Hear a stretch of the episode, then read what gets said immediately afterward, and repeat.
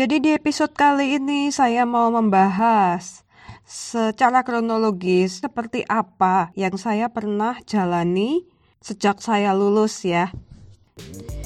Begitu saya lulus program studi apoteker, saya masih idealis ya.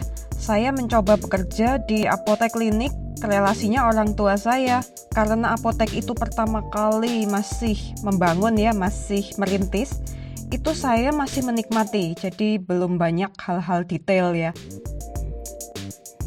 Seiring berjalannya waktu, saya mulai menemukan hal-hal yang menyebabkan saya itu nggak tahan gitu. Untuk apotek, retail is detail. Jadi banyak banget ya pekerjaan detail yang saya harus tangani ketika stok opnam, pembukuan. Itu saya harus kerjakan segala sesuatunya secara manual dan saya merasa wah ini saya lemah di sini dan saya tuh nggak bisa enjoy, nggak bisa menikmati pekerjaan saya di apotek itu. Akhirnya saya memutuskan untuk resign dari sana. Setelah itu saya memutuskan untuk mencoba dunia perbankan ya. Hanya memang saya waktu itu kurang riset untuk masuk ke dunia perbankan itu seperti apa kayak gitu. Jadi saya coba ambil aja kesempatan apa pun yang terbuka. Jadi ketika itu saya bekerja sebagai customer service untuk kartu kredit di salah satu bank swasta dan ternyata customer service kartu kredit itu sudah ditinggalkan posisinya selama 9 bulan ya. Jadi ada banyak sekali masalah-masalah yang terbengkalai customer-customer yang marah-marah itu saya menduduki posisi kursi panas ya.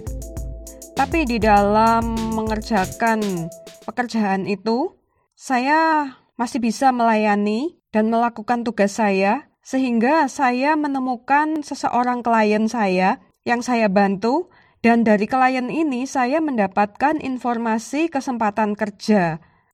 Jadi berdasarkan infonya beliau, Akhirnya saya mengundurkan diri, lalu saya menjadi marketing funding di salah satu bank internasional, meskipun dengan sistem yang outsource.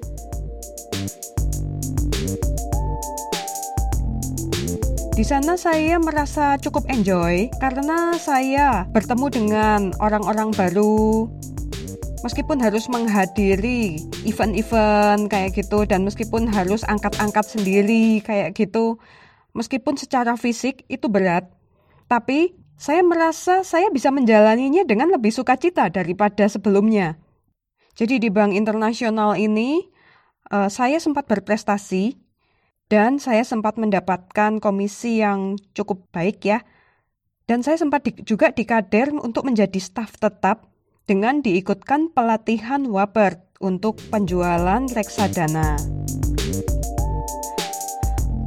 Namun, karena kebijakan outsourcing yang kurang adil menurut saya, kebijakannya itu ya, kalau selama dua bulan berturut-turut tidak mencapai target minimum, maka di bulan ketiga akan tidak terima gaji pokok.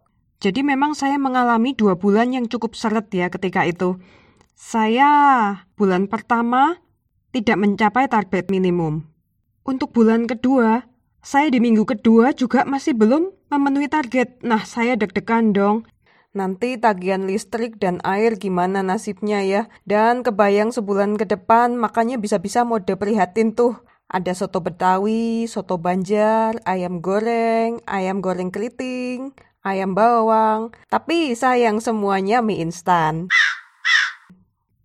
ketika di minggu kedua bulan kedua saya sudah mengajukan surat resign ya. Meskipun saya juga sempat uh, melakukan usaha hingga titik darah terakhir yang akhirnya pada akhir bulan eh ternyata saya masuk loh. Berarti saya harusnya bisa tuh untuk tetap terima gaji tersebut di bulan ketiga. Tapi karena saya sudah terlanjur untuk mengajukan surat resign, ya akhirnya saya resign ketika itu.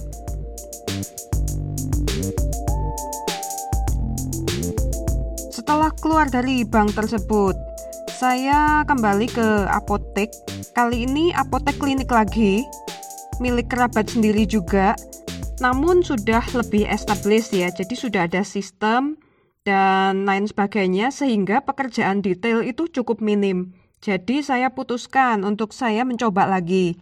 Apakah masih bisa dicoba ya dengan pendekatan yang berbeda?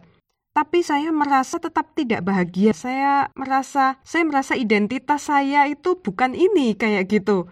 Jadi, akhirnya tidak lama saya resign lagi.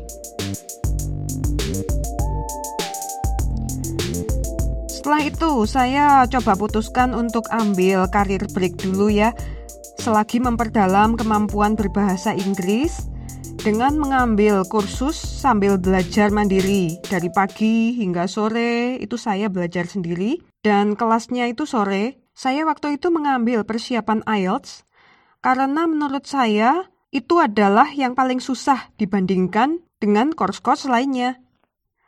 Ternyata kursus yang saya ambil ini banyak membantu saya dan memudahkan saya untuk perjalanan karir selanjutnya.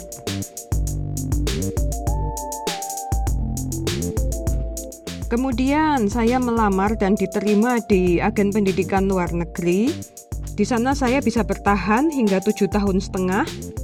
Dan saya juga menemukan beberapa orang tua yang memaksakan jurusan kepada anaknya saya bisa menceritakan kisah hidup saya ya, sehingga mudah-mudahan saya sudah menyelamatkan karir beberapa anak-anak. Ya, segala sesuatu ada hikmahnya. Jadi dari sana saya mengerti untuk kebijakan bekerja secara internasional. Saya bisa berbicara secara lancar dengan orang-orang dari mancanegara, sehingga saya merasa tidak rugi. Saya merasa saya mendapatkan sesuatu.